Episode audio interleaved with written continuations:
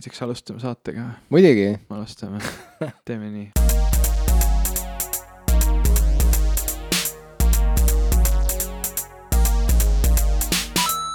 tere, minu nimi on Ivo Krustok. tere, minu nimi on Jim Ashilevi. ja te kuulate saadet Jim unustas jälle ära, see oli alguse osades mingisugune tõsine probleem, ma mäletan mingis teises või kolmandas osas ma lubasin post-it'i ma hakkasin panna. mõtlema selle peale, et äh, ega ma ei tea ju, mis saadet kuulaja kuulab, selles mõttes, et võib-olla see podcast, saad aru, võib-olla meie saade on hoopis taustal mm -hmm. ja mhm. ta reaalselt kuulab näiteks R2-st midagi, mingit, ma ei tea, Koit Raudsepp või. või vaatab, äh, vaatab ETV-d ja mingi saade kuskil jah, nurgas. ringvaade käib, on ju mm, -hmm. player'is podcast'id, ütleme, telefon jäi jope taskusse, on ju, kuulas teel koju podcast'e mm, -hmm. siis nagu pani jope nagisse, läks telekat vaatama ja siis tuli lihtsalt popkulturistide uus osa playlist'i on ju. ma ei tea. või jäi on... magama.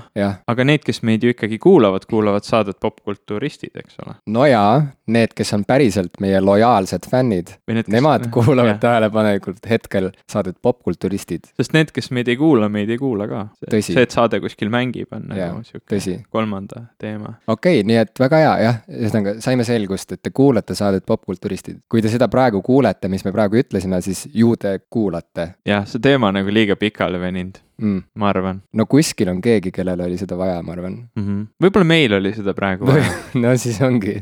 meie olimegi need. meie viimane saade sai päris palju vastukaja või noh, ma ei tea, mina kuidagi tunnen, et, et sai, inimesed on mulle rääkinud sellest saatest, öelnud, et väga huvitav oli, väga, väga põnev diskussioon, oleks tahtnud ise palju nagu kaasa öelda. puhata ja mängida saatejuht Rainer Peterson näiteks ütles, et, et et eh, oi, oleks tahtnud mitu asja diskussiooni öelda, mida ma kohe automaatselt nagu äh, tõlgendasin, et me ütlesime kõike valesti, et meid tuleks nagu korrigeerida. aga ta ütles, et nii hull asi ei olnud, eks ole. jah, see eelmine saade minu enda jaoks oli ka kuidagi nagu oluline analüüs et ma nagu sageli ongi niimoodi, et, et rääkides ma saan aru, mida ma tean või ei tea või mida ma arvan või ei, ei arva. samamoodi kirjutamine aitab mul tegelikult nagu mõista, et, et mis mu sees üldse toimub või, või mida ma üldse nagu taipan või, või mismoodi ma mingeid asju vastu võtan. et selles mõttes, mõnes mõttes meie iga osa on niisugune nagu arenguvestlus et me kunagi ei kuuluta mingit tõde kuskilt mm -hmm. kõrgelt poodiumilt inimestele, vaid pigem nagu otsime seda koos, on ju. -hmm. ja sellepärast on hullult tore ka, et äh, kui inimesed meiega kaasa räägivad mm, -hmm. sekkuvad diskussiooni, pakuvad oma seisukohti ja vaatenurki mm -hmm. meile ja võimalus selleks äh, laivis on nüüd kümnendal juunil, kui toimub popkulturistide sünnipäeva live-salvestus Von Krahlis äh, koos Jarek Kasariga. jah, suur pidu. see oli, eelmises saates me jät-, jätsime äh, selle sihukese nagu saladuse loori mm -hmm. kogu selle äh, ürituse peale katteks, et tunduda huvitavamad äh,. tegelikult me lihtsalt veel orgunnisime seda kõike, nii et äh, nüüd võib välja hõigata kõva häälega, kümnes juuni kell seitse uksed avanevad, kell kaheksa algab avalik salvestus, kus kõik popkulturistide sõbrad ja inimesed, kes meid veel ei tea, siis siis meie tulevased sõbrad, kes sinna kohale tulevad, äh, saavad meid äh, lives näha, saavad kuulda, mis juttu me räägime ja saavad sekkuda, saavad esitada meile küsimusi ise ja küsimusi võib hakata kasvõi kohe saatma meile, et me teeme mingisuguse nimekirja nendest ja siis võtame lavale kaasa ja kohapeal saab ka sekkuda, laseme mikrofoni ringi käima, ühel hetkel kutsume lavale Jarek Kasari, keda me niikuinii oleme siia saatesse tahtnud tegelikult juba ammu kutsuda, sest et mm -hmm. me oleme kuidagi nii palju jõudnud tema muusikani ja tema panuseni Eesti popkultuuri oma saadetes mõttes tundus nagu loogiline äh, kaasata teda ka, õnneks ta oligi äh, nõus ja õhtu lõpeb Jareku kontserdiga, nii et sada protsenti väärt üritus, kuhu kümnendal juunil kohale tulla Von Krahli. tegime ka Facebooki event'i, pange sinna going, sest et interested, we are not interested in yeah, interested mida, mida me selle interest'iga peale hakkame, eks ole?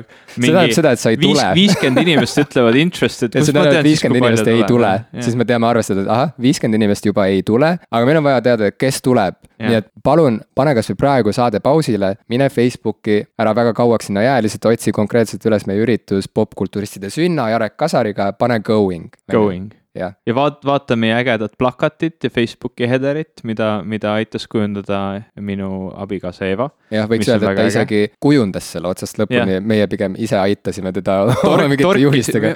aitasime või ütleme, tema kujundas kena plakati ja siis meie aitasime seda ära rikkuda oma, oma nõudmistega. Just, alguses oli ilu, ilusam äh,. aga äh, kuna me kogu aeg ei tee seda saadet ikkagi lives või las ma parandan ennast, kuna me muidu ei tee kunagi seda saadet yeah, lives yeah siis äh, inimesed kasutavad ikkagi muid võimalusi, et meiega kaasa rääkida ja pärast eelmist saadet, mis rääkis siis sellisest nagu macho üleküllusest, macho poosi või hoiaku üleküllusest hip-hopis ja sellest, kuidas see nüüd äh, null-nullindatel ja kümnendatel niimoodi äh, muutu, muutus või, või on muutumises. ja, ja see hüppelaud oli meil Genka intervjuu siis äh, Ekspressis on ju, et siis oli nagu väga tore äh, lugeda sellist ülisisukat äh, kommentaari meie Facebooki lehel kuulajalt nimega Mihkel Noot ja tegelikult äh, ma isegi loeksin selle otsast lõpuni ette, see on niisugune pikem lugemine, aga meil on ju aega, me ei, ei närvitse, meil ei ole meil kuskile kiire, nii et ma lihtsalt loen selle ette, sest et see on nagu väga mõnus niisugune nagu äh, järelsõna kõigele sellele, mida me siis äh, eelmine kord arutasime. Mihkel Noot siis Facebooki lehel ütleb. räpist rääkimine on tihtilugu ohtlik teema, sest rääkijad tunduvad olevat pigem külalised kui austajad. kõvatamise juured peituvad ikkagi battle rap'is ja paljugi sellest, äh, mis tol üleminekuperioodil, kui toorest battle rap'ist äh, saab tõsiseltvõetava tagakataloogiga mitmekülgne artist, kandub muusikasse üle. ma ei tea, loodan, et kuulaja sai aru, sest ma, mul endal mõte katkes korraks ja tegelikult siis, kui lugejal mõte katkeb, siis ka kuulaja sageli ei suuda mõtet järgida. aga Jälgida. vähemalt nüüd nad jõudsid järgi selle kommentaari Nii. peale loen edasi ja kui me juba defineerime sõna macho, siis tekib kaks perspektiivi, üks positiivne, teine negatiivne. ah, teate isegi.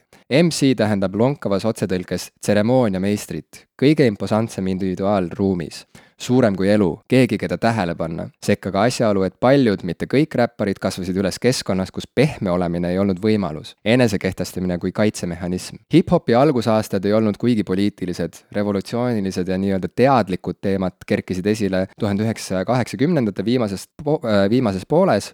uurige näiteks Public Enemy esimese albumi Yo, Bum Rush the Show tracklisti My Uzi weighs a ton, You are gonna get yours, Sophisticated bitch. aasta hiljem aga It takes a nation of millions to hold us back mille kõlapilt ja temaatika tegid saja kaheksakümne kraadise kannaka. ja kui, ja kui räägime rahast, autodest ja naistest, näitemäng. kuigi postmodernistid ei taha seda tunnistada, on need kolm asja meeletult atraktiivsed. Hip-hop on väga, väga vägev power trip. kuidas keegi seda aga oma reaalses elus tõlgendada valib, see jääb nende enda otsustada. olen üsna veendunud, et Eesti hip-hop on oma kasvamisvaludest üle saanud ja kahe tuhandenda aasta keskpaigas valitsenud huudi mentaliteedi osakaal peaaegu et olematuks kahanenud. jagaksin siiski kõrge kõrgeid viisi, et juhtisite tähelepanu Chalice'i debüüdi tähtsusele, kasutaksin väljendit Tartu sotsiaalteaduste tudengi bingost. see muutis paradigmat. Mm.. seda on raske artikuleerida, sa pidid lihtsalt kohal olema, kui see kahe tuhande kolmandal aastal kukkus. ka see album järgis teatud motiive, mis läänes tol hetkel populaarsust kogusid, mäletate ehk väljendit backpack rap mille Kanye oma esimese albumiga Zeitgeisti tagasi tõi. ühendatud inimesed hävitas paljud eelarvamused, mida Eestis kahe tuhandenda aasta alguses räpiga seostati, isegi minu emale meeldis. selline väga põhjalik äh, ja hea sisukas äh, järelsõna mm. -hmm. seda oli tõesti hea lugeda, hea kuulata, et selles suhtes äh, mina ka, noh, ütleme eelmine kord, kui me rääkisime, ma ise nagu tundsin kogu aeg seda puudustust, et, et noh, mina kindlasti olen see külaline, mina olen see, kes on seda žanrit nagu pikalt pikalt noh, niimoodi mööda minnes nagu pigem kogenud ja, ja nüüd hiljuti alles järjest rohkem nagu on huvi selle vastu tekkinud tänu, noh, tänu erinevatele aspektidele. suuresti on, suuresti ongi see meie enda Eesti hip-hop artistide tõttu, kes on suutnud seda edasi arendada, populariseerida ja, ja tuua välja ka neid aspekte, mida võib-olla selline möödakäija muidu ei panekski tähele, et noh, kui, kui sa tõesti räpi puhul ainuke asi, mida sa kuuled ja näed, on selline noh, MTV on nüüd nüüd vale öelda või MTV-lik või et noh, muusikavideodes tõesti ongi ainult mingisugused räpparid, kes näitavad mingisuguseid autosid, naisi, püstoleid, kulda, mida iganes. ja, ja sa kuuled sealt sõnadest välja ainult neid roppusi, sa rohkem ei, ei lähene sellele või kuuled, kui palju seal piiksutatud on. et siis sulle võibki jääda mulje kui sellisest noh, tegu ongi sihukese väga pealiskaudse asjaga, aga, aga ma ütlen, et tegelikult päris suur töö on ära tehtud erinevate noh, minu jaoks just täpselt, et Eesti räpparid, Eesti hip-hop artistide poolt, kes on suutnud seda taset nagu ise hoida, ise tõsta ja populariseerida, see ongi ju tegelikult oluline, et noh, et kui sinu, sinu värk on väga underground ja sa teed seda ja, ja kõik nagu see underground kamp saab aru, kui äge see on. et noh, kui keegi ei suuda seda nagu kuidagi välja tuua, siis pole ime, et keegi sellest aru ei saa, eks ole, ja, ja see kommentaar nagu selles suhtes, noh, minu jaoks jällegi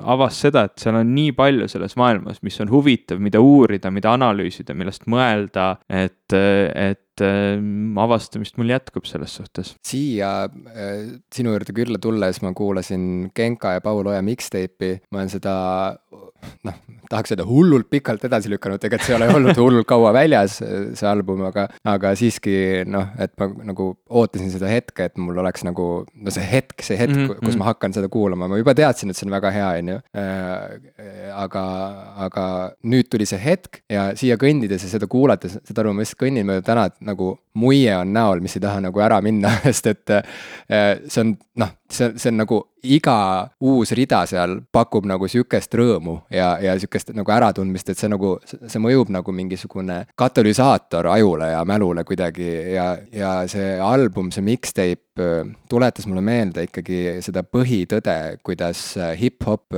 esiteks on hullult tugevalt ikkagi seotud selle laiema kontekstiga, milles ta sünnib. ütleme, selle, seda võib mõnes mõttes öelda nagu iga kultuurifenomeni kohta, aga hip-hop on nagu eriti kuidagi äh, sihuke ajastu pulsil kätt hoidev žanr ja selles mõttes on väga raske tegelikult suhestuda isegi meil võib-olla mingisuguste vanakooli räpi teemadega, sest et see kontekst on meile võõras lihtsalt ja kui sa räägid, et need Eesti hip-hopparid on suutnud tuua mingisuguse niši žanri kuskilt nagu nurgast välja ja tõstnud selle sihukeseks nagu mainstream'i vääriliseks asjaks, et siis äh, see ongi just see protsess, kus mingi võõras asi, äh, mingi võõras žanr kodustatakse ära, et kui seda kopeerida, siis see on nagu võlts, see on, see on imelik, on ju, see on lihtsalt kuidagi nagu vägisi üle toodud ja sa saad aru, et inimesed mm -hmm. lihtsalt nagu matkivad mingit stiili, aga seal ei ole hinge sees, see ei ole nagu, see ei kõneta sind siin praegu mm. -hmm. aga mida Genka ja Paul Oja ja, ja kõik A-rühma vennad ja,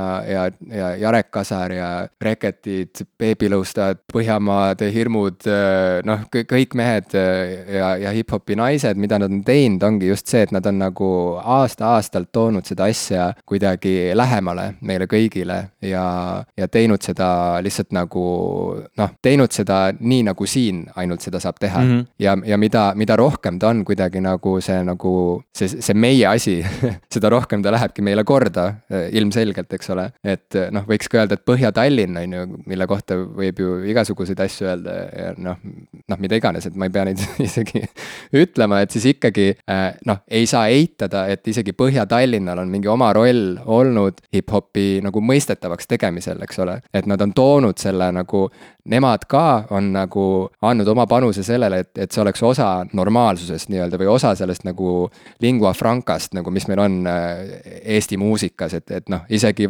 ongi, et isegi vanaema saab aru nii-öelda, on ju. isegi vanaema arvates on hea. et äh, kokkuvõttes ähm, võib-olla omapoolse sihukese lisakommentaarina eelmises saates ma võib-olla kõlasin kuidagi jube kriitiliselt selles nagu, selles osas, et, et kui vähegi mingi macho noot kuskil räpiloos on, et siis mind ei koti või siis ma nagu lülitan välja ennast. et päris nii see ei ole, tegelikult ongi noh, igal asjal on oma koht ja ma saan aru, et kui ma saan aru kontekstist, kui ma saan aru sellest äh, irooniast või sellest poosist mm, -hmm. kui ma saan aru, et see on teadlik valik ja ma saan aru, et miks see valik tehti mm, -hmm. siis jällegi ma suudan sellest nagu nakatuda.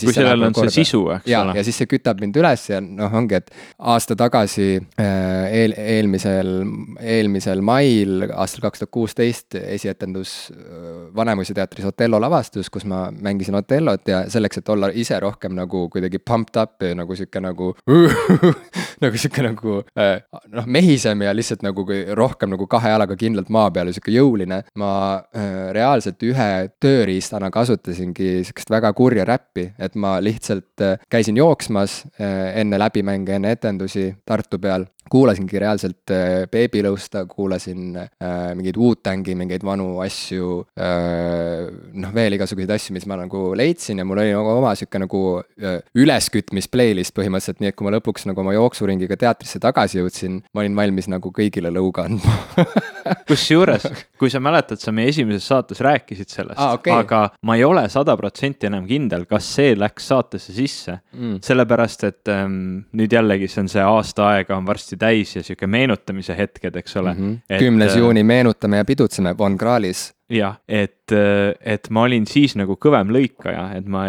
püüdsin nagu seda saadet rohkem nagu skulptuurida, see ei ole, seda, see ei ole tegusõna ju. kujundada. Eesti keel on meie oma ja see võib olla õige tegusõna. ma püüdsin skulptuurida seda saadet. viime selle massidesse. see, see on ka eraldi rubriik meil ju tegelikult saates alati olnud, et Ivo Krustoki keeleuuendus. jah, et. seda pole vahepeal olnud lihtsalt. Pole, ma olen nagu selle natuke minetanud võib-olla. skulptuuri edasi seda eesti keelt, ma arvan arvan, et see viib kaugele. skulptuurin, ühesõnaga ma nagu lõikasin seda saadet oluliselt rohkem, et ta oleks sihuke ilus skulptuurne ja, ja siis äh, ma jätsin mingeid asju välja, aga noh, enam ma, ma kuidagi jõudsin selleni, et seda pole mõtet teha, igatahes ma mäletan seda lugu, kus sa rääkisid sellest beebilõuste kuulamisest ja noh, tegelikkuses muusikal, muusika ongi ju see, mis aitab meil noh, mitmeski mõttes neid emotsioone esile kutsuda, välja tuua, maha suruda, nende, neid lahendada, nendega tegeleda. Me otsime muusikat, mis paneb meid nutma, kui meil on raske nutta, me otsime muusikat, mis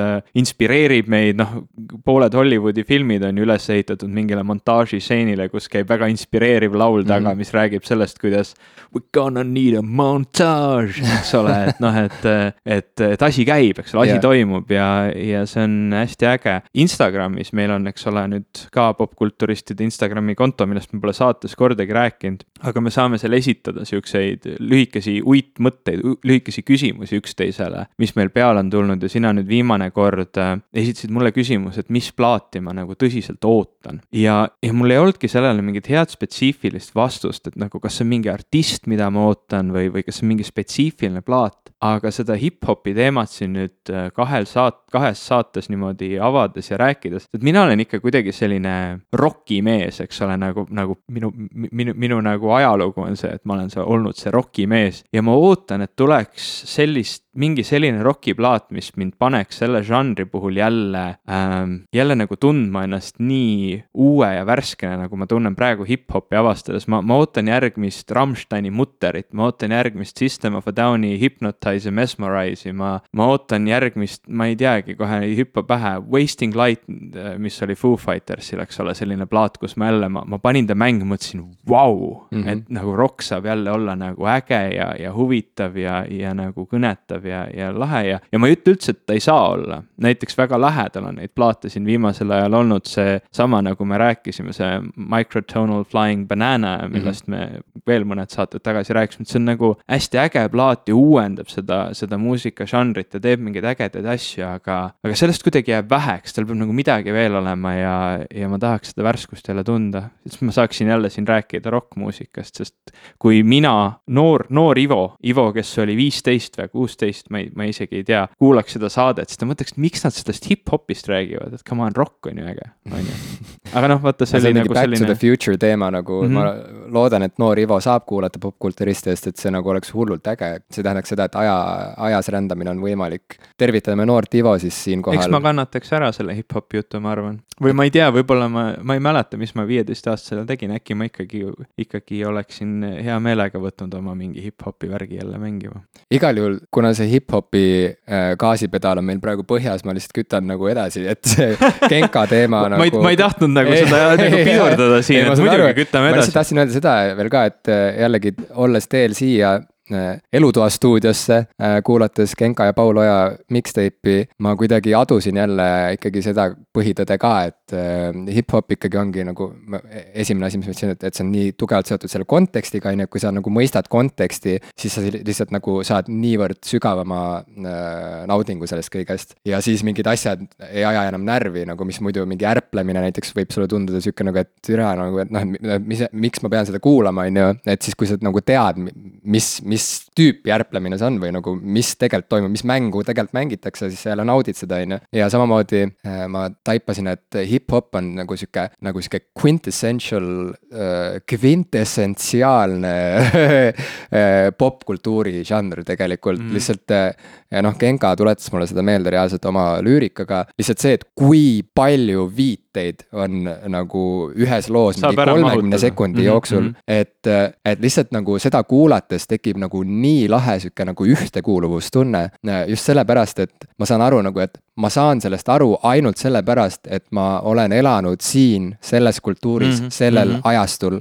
ja, ja see on kokkuvõttes põhimõtteliselt nagu mingi kõik asjad kokku pandud nagu kogu mingi nagu ühiskonna sihuke ajastu teadvus nagu, nagu alustades mingist nagu sihukesest nagu süva, mingist nagu noh, alustades teadusest, lõpetades nagu kroonika kõige räpasema tagaotsaga nagu mm. -hmm. et, et see on kõik sinna sisse pakitud äh,, ajad kõik ajatu ja kõik nagu meeletult ajalik mm, -hmm. noh, mhm. mingid siuksed teemad ka, mida sa nagu ei pruugi poole aasta pärast enam nagu seostada mitte millegagi yeah, nagu yeah. mingi Kalvi Kalle või mis iganes nagu.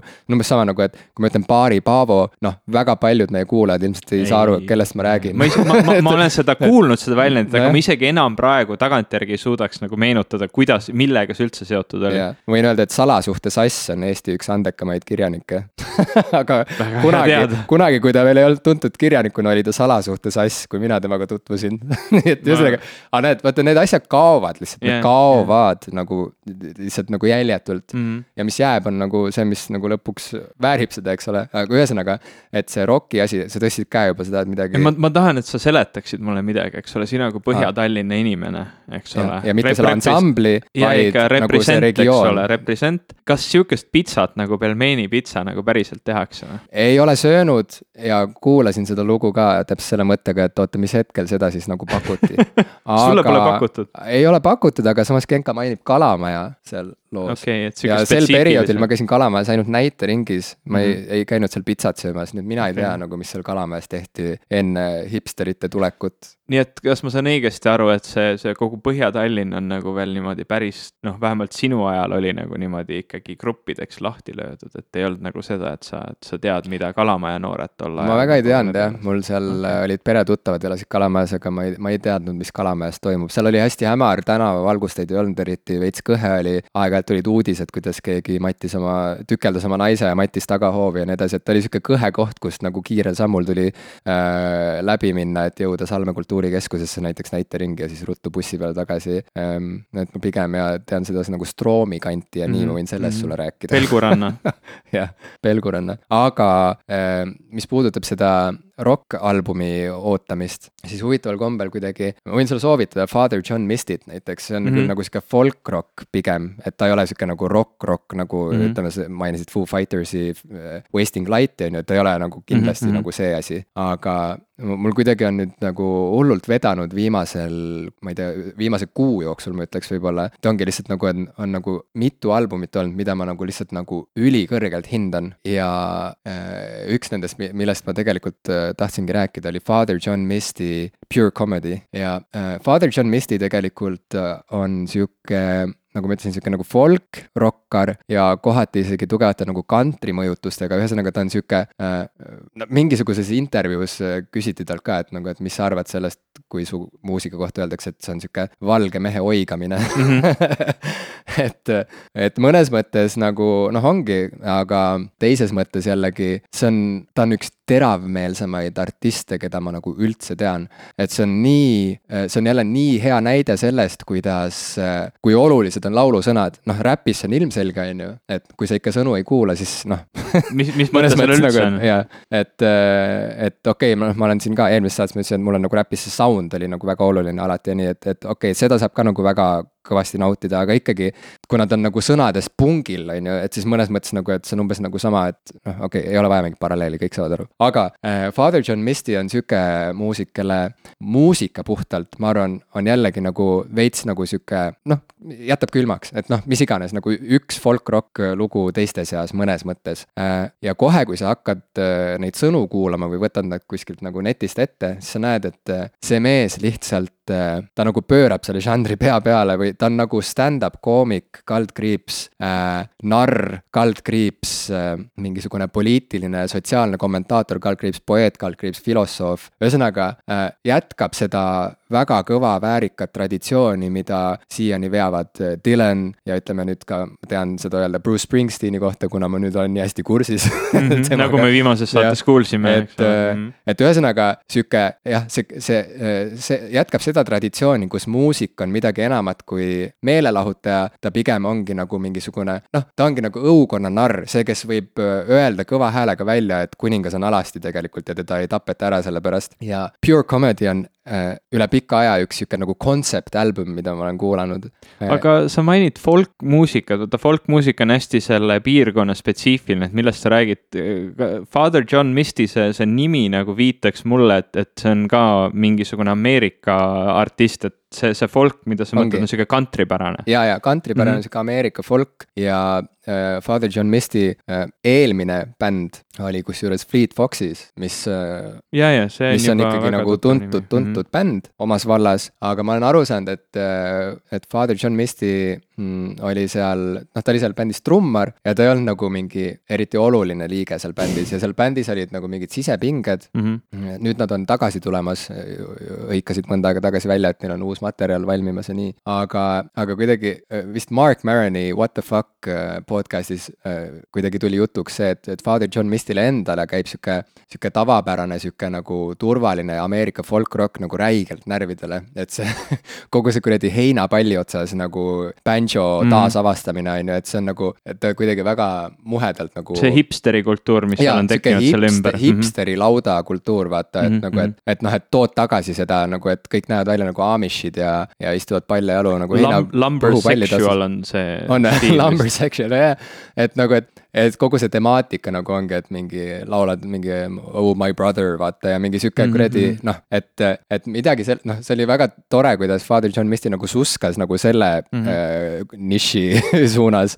ja, ja kuidas ta ise tegelikult pealiskaudsel kuulamisel teeb täpselt sedasama asja mm. -hmm et sa kuulad seda, kui sa ei süvene, sa mõtled, et okei okay,, noh, see on seesama mm. -hmm. ja kui sa kuulad, siis saad aru, et fuck nagu, et, et ongi see pure comedy on näiteks nagu hästi otseselt seotud nagu täpselt siukse nagu äh, Donald Trumpi äh, järgse nagu äh, läänemaailma nagu sihuke äh, su suunas tehtud nagu kommentaar, aga seejuures mitte nagu kuidagi otseselt kuidagi mustvalge hukkamõistev mm -hmm. mingi sihuke, et oo oh,, siukse vasakpoolse liberaali kuradi mm -hmm. nagu äh, kõne, on ju mm. -hmm et kuidas päriselt asjad on, vaid täpselt sihuke nagu. kommentaar ja analüüs. et seal on mingisugune filosoofiline ja mingi suurem, laiem mõõde ja, ja see album on nii massiivne.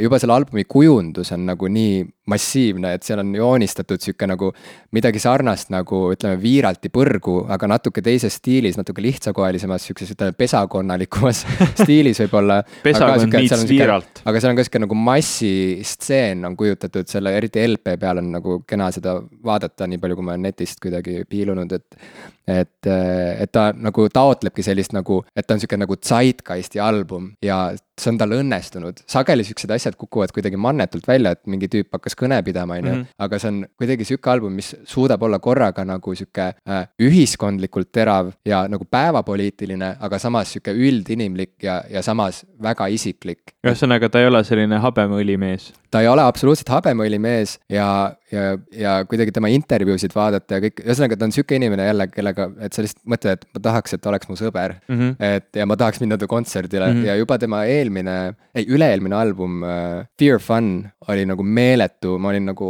mul oli obsessioon sellega paar suve tagasi. siis see kuidagi kadus ja nüüd see Pure Comedy pani nagu uue laksu, nii et ma sügavalt soovitan nii sulle kui ka meie kuulajatele uh, uurida, et mis inimene on Father John Misty, kui te seda veel välja uurinud ei ole see tekitab minus väga palju huvi, sest äh, mul on tegelikult väga sihuke kõva soft spot, kõva soft spot, vaata. oo, oksüümoron äh,. jah äh,, praegu erinevate selliste noh, Ameerika, Ameerika selle country'ga seotud äh, stiilidele, just nendele, mis, mis seda nagu mitte ta, mitte ei ole selline revival teema, et taasavastame, vaid kuidas seda edasi arendada, sest, sest ütleme, tegelikkuses country kui žanr ei ole kunagi kadunud kuhugi, ta on nagu meeletult suur, see kogu see country and western music noh, ta on nagu kogu aeg olnud Ameerika nii popmuusikas kui ka igasugustes alternatiivmuusika žanrites ääretult tugev mm. -hmm. ja tänapäevaks on noh, päris palju sihukest nagu väga põnevat asja seal toimumas ja ma kuulasin päris palju viimasel, noh, tegelikult nüüd, nüüd enam võib-olla mitte, aga siin mingi pool kuud või kuu aega tagasi hästi palju kuulasin Devin Townsendi plaati Casualities of Cool, mis on selline,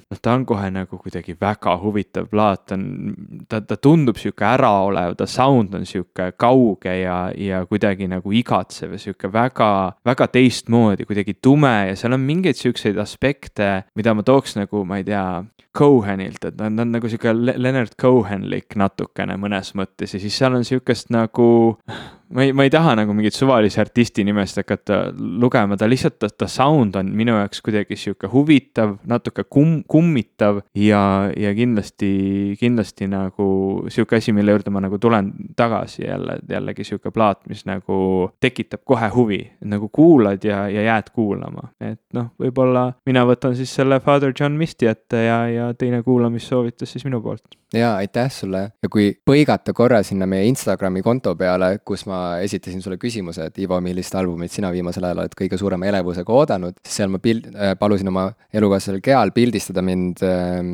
teha see, mitte book face'i, aga album face'i, siis ilmselt Slow Dive'i mm -hmm. äh, uue LP-ga, mida, mida, mida lahutab nende eelmisest albumist kakskümmend aastat et ma olin kaheteist aastane. seda andis oodata. seda andis oodata. Ähm, et, et vaat see on ka nüüd üks, üks, üks, üks shoegaze plaat, mis on ka shoegaze plaat, et väga-väga äh, huvitav, ma sellest pikemalt ei räägi. ma lihtsalt ütlen, et see on mm. nagu meeletult võluv. ma kuulaks ta ka enne läbi, ma hakkasin pihta, siis me võime rääkida, ma hakkasin ja. pihta selle kuulamisega, aga minul on vaja shoegaze'i jaoks jaoks mingit feeling ut ja seda mul ei ole lihtsalt niisama tööl nagu selle taustaks. ja, ja, ja, või muidugi lambist ei saa. see on nagu öösel kaks kolmkümmend sihuke rammestus, aga samas nagu uus ärkamine feeling, et siis nagu shoegaze on nagu väga mm., väga naelapea pihta. mul on shoegaze just päeval kell kaksteist, kui päike on seniidis ja on, ilm on mega ilus, siis on shoegaze'i aeg. sinu jaoks ta on nagu sihuke road trip muusika? ta on minu jaoks nagu kevade ja helguse muusika on shoegaze, ma, ma tegelikult äh, muusikat kuulates vajan kontrasti, ma, ma vajan mm -hmm. Vastukaalu mm. -hmm. et äh, kui ma olen ise näiteks rämedalt masendunud, siis ma ühel hetkel nagu pean endale andma aru, et ma ei saa kuulata mingit äh, retsi kuradi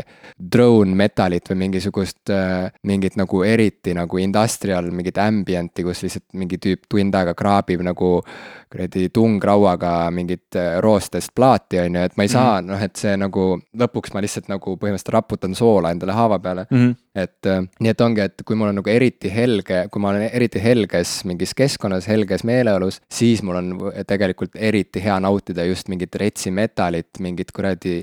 no ongi panna Meshuga EP ai peale lihtsalt mm, -hmm. mis on nagu kuradi koopa inimese küte nagu, et see on nagu, ma ei, ma ei tea retsimat äh, metal nagu lugu mõnes mõttes kui Meshuga ai, mis on mingi kahekümne viie mintsane lihtsalt sihuke üks mm -hmm. küte. ja, ja ka shoegaze'iga jah, mis nagu on üsna sihuke nagu melanhoolne tegelikult ja sihuke sihuke nagu veniv ja, ja ka kohati nagu isegi nagu kriipiv on ju muusika. et see, seda on mul kõige parem kuulata sihukeses väga helges keskkonnas nagu et mul oleks vastukaal. see on nagu huvitav, et nagu see, see shoegaze minu jaoks on sihuke kandev muusika, et ta nagu võtab, võtab sind kätte, lihtsalt kannab sind ja mm, -hmm. ja see, see selline öine tunne, ma ei tea, mul lihtsalt Aga on, on nii palju siukseid mälestusi sellest, kuidas nagu ongi tõsiselt, noh, ma nüüd viimastel aastatel väga harva olen väga hiljani öösel üleval, aga mul on nagu mingid mälestused rohkem lapsepõlve, noh, lapsepõlve, mina olin siis laps, kui Pia Fraussi esimesed plaadid välja tulid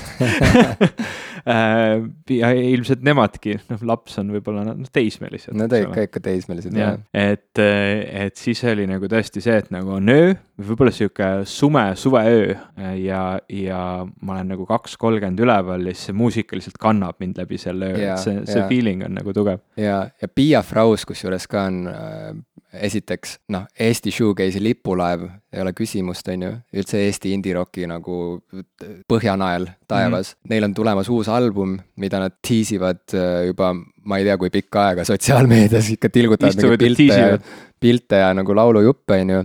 igal juhul äh, neil on see album tulemas, küllap me sellest räägime pikemalt, kui see album on päriselt väljas. vahepeal ju Rein Fuchs ja Eve Komp äh, olid väga aktiivsed Imandra Leigi koosluses. et nüüd siis vahelduseks on Pia Fraus jälle kokku aetud selle, vähemalt selle ühe albumi nimel ja, ja on, mida oodata, aga mida ma tahtsin öelda, on see, et kunagi, kui ma vist ka olin jah, nagu ütleme, nagu veel hilisteismeline ja ma ei teadnud Pia Frausist midagi, ma mäletan, et Kohvi raadio oli siis juba, oli olemas ja ma seda kuulasin ja olid mingid siuksed kohad ka umbes nagu mp3.ee ja mingid mm -hmm. nagu, et ühesõnaga Winampist on ju, kuulasin Kohvi raadiot ja ühel hetkel nagu ja ongi lihtsalt ilmselt nagu vahtisin telekat umbes samal ajal ja järsku tuleb mingi lugu niimoodi, ma lihtsalt pidin nagu jooksma arvuti juurde nagu, mis asi see on, nagu panin arvutikõlarid valjemaks ja siis nagu va-, nägin, et mingi ansambel nimega Pia Fraus, mõtlesin, et nii ilus nimi bändil nagu issand jumal, kui ilus nimi. ja mm -hmm. siiani see on nagu noh, see on üks ilusamaid bändi nimesid, mida ma üldse nagu tean. Pia Fraus ja You look fine oli see lugu mm. -hmm ja siiamaani ma ütleks, et see on mu elu edetabelites väga kõrgel kohal, on see lugu You look fine. Ehm, ühesõnaga, ootame Pia Frausi uut üllitist ja on, mida oodata, aga samas juba on ka, mida kuulata, nii et Ivo, aitäh sulle sinu soovituste eest. Ja, ja... ma tänan sinu eest ka ennast nende soovituste eest, mis ma sulle andsin. Ja.... ma, ma, ma, ma tänan sind, et sa tänasid minu eest ja, ennast. väga meta, see on jah, ja, ja, ja ühesõnaga nüüd jah, hakkame kuulama ma tahan rääkida spordist. oh no, ei, see on umbes nagu, et me peame rääkima Kevinist. me peame rääkima Kevinist sellepärast, et mul on Keviniga alati olnud väga keeruline suhe mm. -hmm. või, või, või spordiga siis antud kontekstis. Ähm, ma kuulasin just äh, nüüd töölt koju tulles vahetult enne, kui me siin maha istusime ja, ja juttu hakkasime rääkima, kuulasin podcast'i Ninety Nine Percent Invisible, kus äh, seekordseks teemaks olid Brasiilia jalgpallikoondise vormirõivad või ma ei tea, kas spordis öeldakse vorm, öeldakse, eks mhm. ole mm -hmm., jah. ühesõnaga need rõivad, mida nad kannavad, kui nad jalgpalli mängivad, kuidas nende nagu see loomise lugu oli ja, ja kuidas see on seotud selle Brasiilia jalgpallikultuuriga ja patriotismi ja kõikide nende teemadega, mis minu, minu jaoks nagu see, see, see üks väike saateke võttis nagu kogu, kogu sporditeema minu arust nagu ääretult ägedalt kokku. ja, ja mis suhe on minul spordiga, on see, et ma peamiselt pole nagu sellist ähm, tugitoolisporti nagu peaaegu kunagi teinud äh,. ma pole ka nagu päris sporti kunagi teinud, aga noh, see on nagu teine asi, et no kunagi ma sõitsin rulaga ja nüüd ma ei tee nagu väga midagi kahjuks. Aga, aga see tugitooli spordiga on nagu see asi, et kunagi ma tahtsin olla äge ja siis ma mõtlesin, et, et see, kui ma nagu seda spordi vaatamist kuidagi madaldan, et see on nagu lahe, et siis ma olen kuidagi kultuursem, vägedam, aga, aga see nagu üldse ei päde, sest kuidas ma saan tunda uhkust millegi üle, millest mitte midagi, et, et ma tunnen uhkust, et ma olen rumal mingis teemas, et see yeah, nagu on hästi-hästi rumal lähenemine. ja ja, ja nagu ma tahaksin leida omale mingisuguse spordiala, mis mind nagu hullult köidaks, mida ma samamoodi nagu vaataks ja kaasa elaks, sest see on kuidagi ka selline ajastu kultuuris või siukse oma kultuuriruumi sellistes tähtsates olulistes asjades nagu osalemine. ja mul on tunne, et nagu just spordi puhul ma olen sellest täitsa ilma jäänud, et ma ei ole kunagi vaadanud korvpalli või ma olen vist elus kahel jalgpallimängul kunagi nagu kohal käinud. üks oli siis, kui oli esimene jalgpallimäng siin A Le Coq Arena'l. oo oh, jaa, ja, ja, ja kes seal mängisid, mingi Eesti ja, ja Holland äkki või? Ja, ja. sinna ma kuidagi sattusin kohale. mina olin ühel korteri läbul samal ajal. ja rääkisite sellest? no see mängis taustal jah Aa, ja okay. siis alaealised inimesed jõid ennast täis ja tegid muid halbu asju mm. -hmm. ja siis ma olen käinud mängul, kus äh, mängisid omavahel Iron Maideni jalgpalliklubi ja, ja FC Flora, mis oli üks väga veider mäng, sest Mart Poom oli kuidagi Inglismaalt veel tagasi toodud väravavahiks ja siis ta, ta nagu läks nagu nii äksi täis, et seal see mäng, noh, ütleme FC Flora võib olla maailma tasemel ei ole nagu kõige kõvem jalgpalliklubi, aga nagu ma aru sain, siis ütleme sellise hobi jalgpalliklubi nagu tol hetkel Iron Maidenil oli vastu, nad said vist võidu üksteist üks ja see üks värav tuli ka pärast seda, kui Mart Poom oli saanud vigastada, ta nimelt nagu ise otsustas, et ta läheb väravaid lööma, mis tuli tal täitsa hästi välja, aga mingi hetk ta sai vist jalaga vastu nägu või, või kuidagi nagu midagi juhtus, ta üritas peaga, ma ei saa aru mm. nii palju jalgpallist, et, et seda nagu täpselt seletada, mis juhtus, igatahes ta sai viga, talle tehti mingid trahvid ja see oli mingi hull teema. Anyway, Way, et äh, ma just kuulasin seda lugu nagu seal, seal podcast'is ja, ja kõik need nii-öelda sellised spordiga tulevad vastumeelsed tunded tulid minu juurde tagasi, et nagu ühest küljest ma tahaks osaleda selles äh, selles nagu kultuurilises mängus. et, et ma tahaks nagu kaasa elada või jälgida midagi hullult, aga samas see, see nagu väga tugev rahvuslus või selline isegi natukene noh, minu jaoks nagu raske rahvuslus, kus nagu sa, sa tahad võtta, et nagu, et on meie tiim ja meie tiim on kõige parem, sest see on meie tiim ja, ja kõik teised tiimid tiimid on halvad, sest noh, meie tiim on meie tiim ja kõik mhm. selline noh, nagu see kuidagi nagu üldse ei meeldi mulle, et noh, ja, ja kuidagi tundub, et selles mängus on väga raske kaasa elada nii, et ah, ma, ma olen selle poolt, kellel on sellel aastal kõige parem statistika, see, see nagu noh, sul oleks vaja midagi ju, mis ongi nagu sinu oma, see selle asja point ongi ja, ja ma ei oska ma ei oska ennast kuidagi tunda, ma ei oska seda spordiala, mida nagu jälgida, endale leida. ma arvasin, et kurling on see, mingi hetk ma hakkasin kurlingut vaatama, kui oli, oli Sotši taliolümpia, minu arust ma vaatasin kurlingut ja mulle õudselt meeldis äh, Suurbritannia või oli see äkki Šoti või nad vist mängisid koos ka Suurbritannia, igatahes nende, nende naiste kurlingu tiim. oota, palun oota, et kas kurling on see, kus nad lihtsalt nühivad jääd ja. või mm? -hmm. ma arvasin, et see, ma arvasin, et see on äkki spordiala mulle, aga seda kuidagi, ma ei, ma ei oska seda kuidagi jälgida. kellele see on üldse nagu no,? see ei saa olla nagu sulle nagu, see ei saa olla kellelegi. ma mäletan ma mäletan, et ma, mu esimene arvuti, mis mul oli kodus kunagi, ma ei tea, mis asi see isegi oli nagu, see, see oli enne seda, kui olid mingi kolm kaheksa kuud ja. enne seda? jaa, sest mu vanaonu ah, tööt-, oli arvutimees, ta töötas mm -hmm. Tehnikaülikoolis ja ühesõnaga provide'is, aga eh, seal mul oli mingi kurlingu mäng nagu, see oli tore, sest et see oli nagu noh, vähemalt arvutimäng, see oli nagu ru ruuduline ja nii. ma ei ole aga, kunagi ühtegi kurlingu arvutimängu mänginud no,. ma soovitan sul lugeda Salasuhte sassi kuulsat romaani Mina olin siin mm, -hmm. kus on üks väga tore meeldiv hetk, kus see peategelane ühel nagu, ühe muu palju nagu segasema olukorra keskmes nagu satub vahtima mingis baaris nagu telerit, kus mängi-, kus mängitakse kurlingut mm -hmm. parasjagu ja mis on tema kommentaar selle kohta ka. salasuhte sassi raamatud on minu jaoks vist natuke liiga rängad, mul on vaata liiga hell hing või midagi. aga nüüd, kui sa tead, et on salasuhte sass, see toob kohe, vaata, see rikastab seda konteksti. ma ei tea, ta on alati tundunud lihtsalt väga tore inimene, aga see ei aita mul neid raamatuid lugeda Anyway. jah, kuidas sinu suhe spordiga on, kas sina vaatad sporti, oled sa tugitoolisportlane, Jim? ma tead... vist tean seda vastust natukene. Arvad, et tead, noh, mis see vastus on siis? no kuna sul ei ole kodus telekat, kuidas sa saad olla tugitoolisportlane? no aga ma liigun ringi kohtades, telerid on igal pool. aa, okei. Fair enough no,, fair enough aga.... valgusta mind. ja, ja ERR kannab oma kanaleid ikkagi ka öö, internetis üle, niimoodi, et ei pea midagi maksma kellelegi ega, ega midagi, aga öö, minu suhe spordiga, ei no, Ivo, mina olen vana judopoiss ju. võib-olla peale vaadates ei usuks, on ju, aga ma olen vana judopoiss. ma arvan, et sa võid mind heita küll siin ära, kui sa tahad ah?. ma arvan, et sa oled võimeline mind heitma küll, kui sa tahad. vabalt, teen siukse Tommo ja Naage sulle ma teen sulle Tommo ja Naage niimoodi, et sa ei tõuse okay. enam iial püsti ära, ära, tee. okei, aga Tommo ja Naage oli üks ägedamaid võtteid, kusjuures on sihuke, et võtad tüübil põhimõtteliselt nagu õlast ja, ja, ja käest kinni, on ju, niimoodi raksaki, noh, võtad ette tüübi mm -hmm. ja siis vajud, vajud perseli põhimõtteliselt niimoodi mm, -hmm. et paned oma jala talle rinnale ja siis lihtsalt viskad tüübi üle, noh hakkaks see nagu ise tegema tagurpidi kukerpalli, aga jätad selle ise pooleli maas olles, nii et sa viskad tüübi üle nagu. Jim, sa ei tea seda minu kohta, aga põhimõtteliselt kogu mu pere peale minu ja mu isa oskab judot. päriselt või? jah, sest mu onu, mu ema, vend on, judo on, on judotreener eh, ja siis minu vend on käinud judotrennis mu ema vist ilmselt läbi oma venna oskab judot ja, ja kõik mu venna lapsed minu arust on käinud läbi tema trennid ja värki, jah väga huvitav. Vägev, sa oled osa mingist aga mina, mina ise isiklikult pole kunagi mitte kordagi mitte midagi judoga seonduvat teinud. tead, mis või, vastus su küsimusele, mis on see sinu spordiala, sa oled põgenenud oma saatuse eest ja see on, äh, lõpeta ära see asi see on juba, it's written in the stars nagu. aga kas judovõistluste vaatamine on põnev või?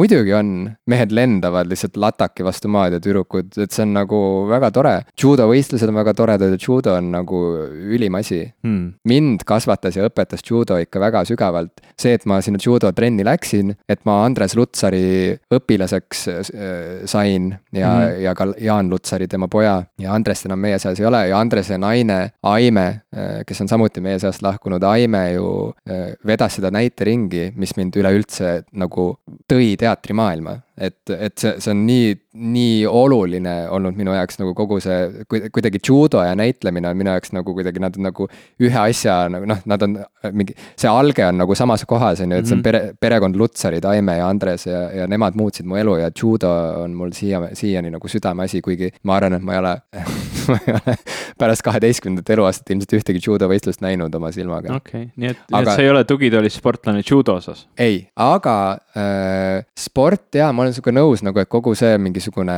reflekshoiak nagu, et kui sa vähegi oled mingi intellektuaal või kultuurihuviline, et siis sa nagu pead sülitama umbes nagu tüüpide mm -hmm. peale, kes käivad trennis, sest et nemad sülitavad sinu peale ja nii edasi mm. -hmm. see on kõik jälle sihuke nagu tekitatud mingi äh, vastasseis, et äh, kokkuvõttes see jutt, et jalgpall on nagu, et ei ole midagi mõttetumat kui jalgpall, nagu mida sa vaatad seal, kuidas karimehi lihtsalt ajavad mingit ümmargust nagu eh, palli. või naised.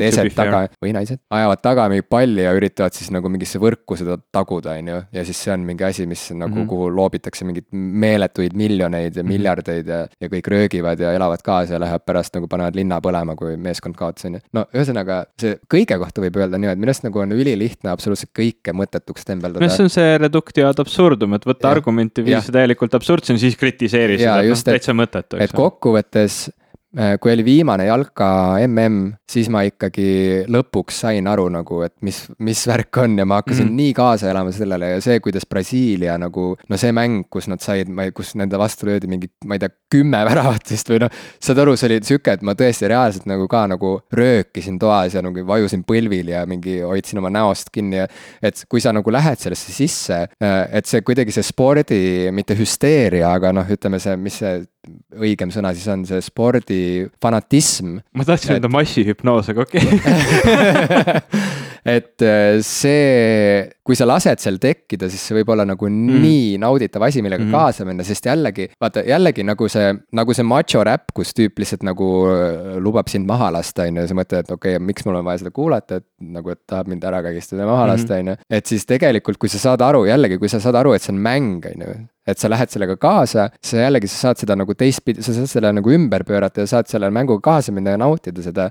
ja, ja jalka nagu mõttekus minu arust on täpselt sama, jalka on sama mõttekas kui ükskõik mis muu siin elus, selles mõttes, et kas sa tõesti arvad, et nagu. noh, minu arust jalgpall nagu mõnes mõttes isegi ülihästi nagu sümboliseerib seda, et mida me inimestena üldse teeme, et nagu elust huvituda või et, et elul oleks mingi tähendus, ehk siis, et me lihtsalt sünnime siia maailma, on ju, ja, ja loome toome või toome tähenduse sinna, kus seda enne ei olnud. et ütleme, kivi jaoks ei ole nagu vahet, kas praegu räägib Nietzsche või räägib äh, Lady Gaga või, või räägib nagu äh, Sophokles, on ju, vahet yeah. ei ole noh, et äh, et, et see on puhtalt sihuke inimeste maailm, me elame oma mingisuguses nagu tähendusväljas, oma kultuuris, on ju. ja me nagu niimoodi punume seda niimoodi üheskoos ja, ja, ja, ja mille ja mõnes mõttes nagu see jalkamäng, et jah, ongi, et mingisugused kahejalgsed, kahejalgsed olendid ajavad väljaku peal palli taga ja, ja litivad seda võrku. mis, mis tähendus sellel on ja võiks öelda, et alguses ei olegi jah mingit tähendust, aga kui me lepime kõik kokku, et see on mega oluline mm. -hmm. me loome et, et see pall nagu ühte võrku lendaks rohkem kui teise mm. -hmm. ja jagame mingid pooled ära ja,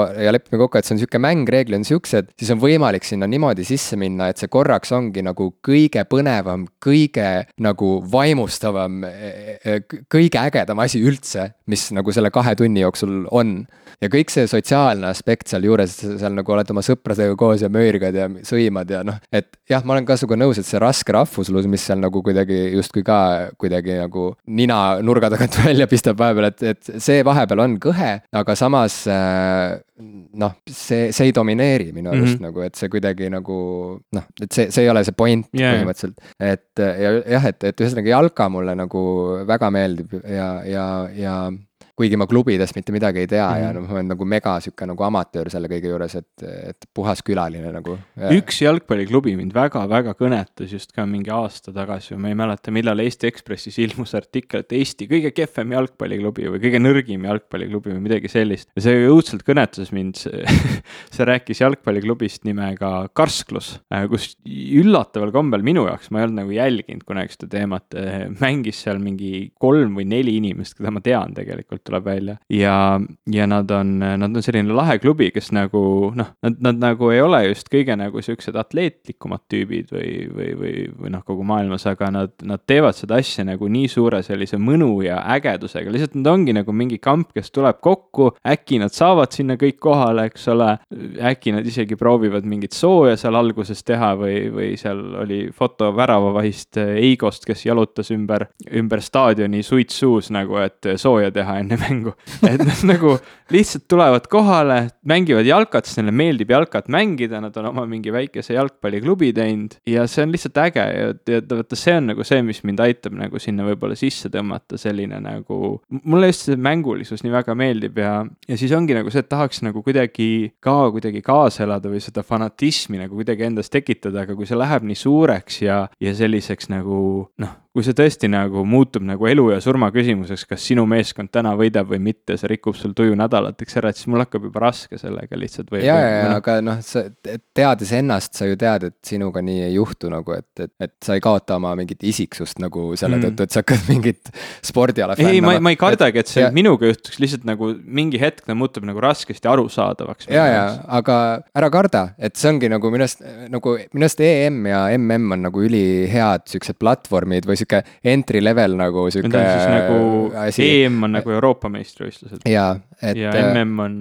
maailmameistrivõistlused mm, -hmm. et, et seal ma ütlen, ma olen nagu võhik. ja mis asi veega. on FIFA, kas see on nagu maailma? see on videomäng okay. ja see tuleb igal aastal uuesti ja, ja ma saan aru, ma mäletan, ma mängisin aastatel mingi üheksakümmend üheksa, kaks tuhat olid need Fifad, mida ma mängisin. et äh, okei okay,, päriselus vist FIFA on nagu mingi päriselu asi ka aga juba üli, noh, ühesõnaga, ma isegi ei hakka vabandama, ma ütlen nagu, ma olen amatöör, ma ei tea, ma ei võhik, ma ei tea jalgpalliklubide süsteemist midagi. ma olen nagu see tüüp, kellel on lihtsam aru saada, et ahah, et mingil riigil on lihtsalt üks võistkond ja see võistkond ongi selle riigi esindaja, et mingi, et ühes riigis on mitu mingit klubi, sellest ma enam aru ei saa, mis süsteemid seal on, mis hierarhiad, mis, mis mängud on olulised, mis on vähem olulised, ma ei saa nagu aru sellest. et see on, samas see on niisugune nagu lõputu maailm, et sa võidki sinna sisse sisse minna ja kaduda eluks ajaks, on ju. ja see võib olla väga nauditav, aga see mm ja em on selles mõttes nagu ülilihtne koht, kust hakata nagu fännama seda asja. sest et kui sa hakkad otsast peale seda jälgima, see ongi nagu mingi, no see on nagu Eurovisioon, noh, saad aru, sa lihtsalt hakkad, sa hakkad jälgima seda asja, alguses sa ei tea mitte midagi, sa ei pruugi reegleidki teada, nii nagu minagi ei teadnud, on ju. Äh, ja, ja, ja ühel hetkel noh, see päriselt juhtubki, et sa hakkad eristama mingeid meeskondi mm. -hmm. sa hakkad nagu taipama, et see, mida kõik nagu räägivad, et mingid mängijad on nagu mingid nagu cool imad kui teised mm -hmm. ja mingid on nagu lollakamad kui teised mingid on nagu mingi nagu keevalisemad kui teised. sa reaalselt, sulle nagu hakkabki meelde jääma, et aa, näed, see tüüp on platsil, oi, täna nagu võib saada Läheb nagu kino. pulli, vaata mm. -hmm. või no ongi nagu kunagi oli see, mis aastal see oli ja kas see oli EM või MM vabandust, jalgpallisõbrad, et ma nii nagu suvalt lahmin, aga ühesõnaga see, see aasta, kui Zidane, äh, Prantsuse väravaht, äh, lõi, lõi peaga mm -hmm. oma, oma vastast.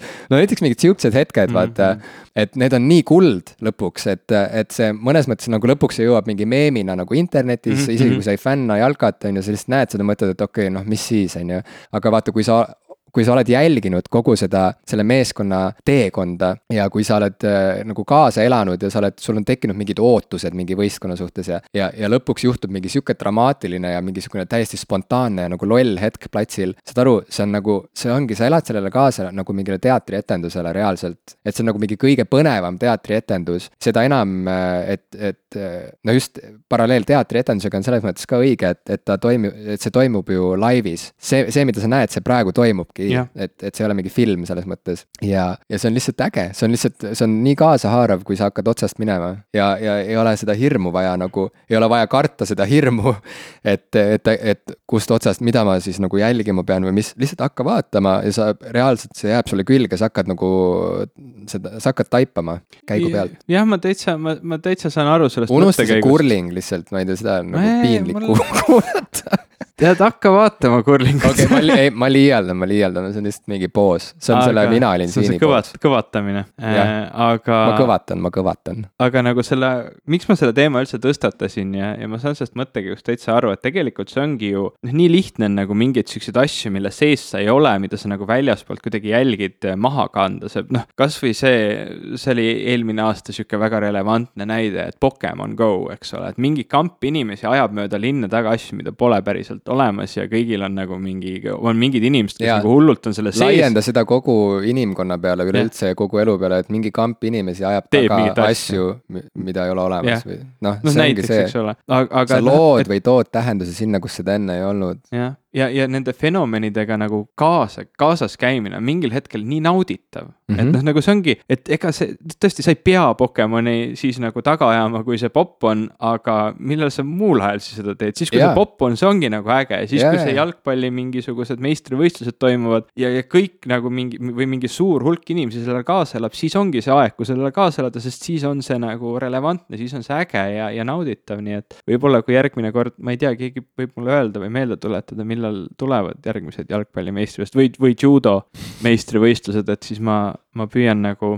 judoga on vist raske, ta ei ole nii populaarne ala, et jalgpalliga nagu alati leiab neid fänne igalt poolt ilmselt. või võib-olla tulevad. ja hakka otsast minema, vaata, seal on kava olemas kindlasti. kas see ei ole mingi sihuke, mingi sihuke betting teema või? ei ah,, see on sihuke infoportaal. okei okay., siis võib, noh, kui on mõtteainel on MMA minutid, siis meil on, olid nüüd spordiminutid ja nüüd, nüüd need on läbi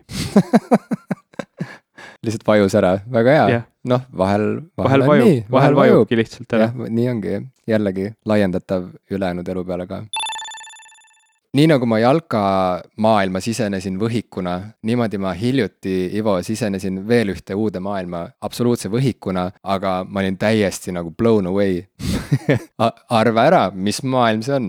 inim, inimmaailm? jaa, see on inimmaailm. Am I väga... getting closer, eks ole? jaa. aga see ei ole jalka äh,, jalkamaailmasse sa juba sisenesid. kuigi seal võib-olla puudutatakse ka jalkat aeg-ajalt, ühesõnaga, mis ma ikka keerutan. filosoofia debati maailma. jaa lähedal mm., ütleme, kellele filosoofia, kellele debatt, kellele puhas kelbas ja piinlik nartsissistlik pask. tegu on Youtube eritega, Eesti Youtube eritega ja ausalt, ma ei olnud siiamaani nagu üldse süvenenud, et noh, ma teadsin, et HD Tanel on olemas aga mm -hmm. sellega asi piirdub, ma teadsin, et sihuke username nagu HD Tanel on olemas. aga sa ei olnud teda kunagi vaadanud? ei mm. -hmm. Äh, isegi mitte nüüd, kui olid suured poleemikad HD Taneli ümber? ei, tähendab nüüd ma, nüüdseks ma olen jah, nagu suti viinud ennast kurssi, et, et mis sisu ta toodab ja nii edasi. aga hiljuti juhtus jah nii, et äh, kukkusin sinna jäneseurgu, lõpmatusse jäneseurgu, mis on Eesti Youtube erite maailm, mis on tõesti nüüdseks juba ikkagi, ta on juba arvestatav sihuke maailm. reaalselt need inimesed, kes toodavad Youtube'i sisu, eestikeelset sisu ja ka venekeelset, kusjuures see on eraldi nagu äh, jutt tegelikult, on see vene osa, selle saab kiirelt ära rääkida, ühesõnaga, et venekeelset Youtube'i sisu tootvad Youtube erid Eestis tegelikult leiavad oma laiema auditooriumi ilmselgelt vene keelt kõnelevas yeah, maailmas. yeah ja see kajastub vaatajanumbrites nagu üliselgelt, et sa lihtsalt mm -hmm. näedki, et need Eesti-Vene Youtube eritel, mingitel kõvematel ongi reaalselt mingi pool miljonit jälgijat näiteks mm -hmm. või noh, mingid mhm. siuksed, no siuksed numbrid, sa vaatad nagu, et okei okay,, noh, et siin juba noh, et siin juba nagu annab midagi nagu teha, vaata, et noh, ongi sihuke PewDiePie tase, on ju, või noh, midagi no, sinnapoole, no okei okay,, midagi sinnapoole, noh, selles mõttes, et, et Eestis nagu Ega, tegelikult sa ei tead, jõua sinnapoolegi, aga. see Youtube'i teema ka, et neid subscriber ite arvud, eks ole, et noh, see viissada tuhat ja mingi miljon, kaks miljonit, nemad ikkagi peavad ennast pisikesteks Youtube eriteks nende mm -hmm. PewDiePie'de ja muudegi kuulsuste kõrval, eks ole. ja mis PewDiePie'st üldse sai nagu pärast seda mingit Hitleri skandaali, aga ühesõnaga jäägu see, aa ah, okei okay., ühesõnaga ähm,, et need Eesti Youtube erid äh,, mis mind seal siis nagu kuidagi köitis esiteks nagu äh, juba see, et kõik räägivad nii palju nagu halba nendest või noh, et see, et see nagu see no, köitis. ühesõnaga see knee-jerk äh, reaktsioon sellele asjale on ikkagi see, et nagu äh, need kuradi idiootlikud äh, eneseimetlejad, on ju, et millest nad seal räägivad, kuradi. sõin võileiba täna, võileiva challenge on ju mingi, keda kotib, on ju, aga samas nagu sa näed, on ju, seal reaalselt ongi nagu tüüpil on mingi kuradi tšilli pipra söömise challenge, istuvad viis klemmi, alaealised kõik, on ju, nagu siuksed nagu beebinägudega. samas nagu siuksed nagu ülinägusad nagu noored inimesed, on ju, sa näed, et okei okay,, see on see uus põlvkond, kes on praegu nagu see nagu sihuke nagu need, need ilusad inimesed mm, -hmm. need, need karismaatilised, need nagu terased tüübid.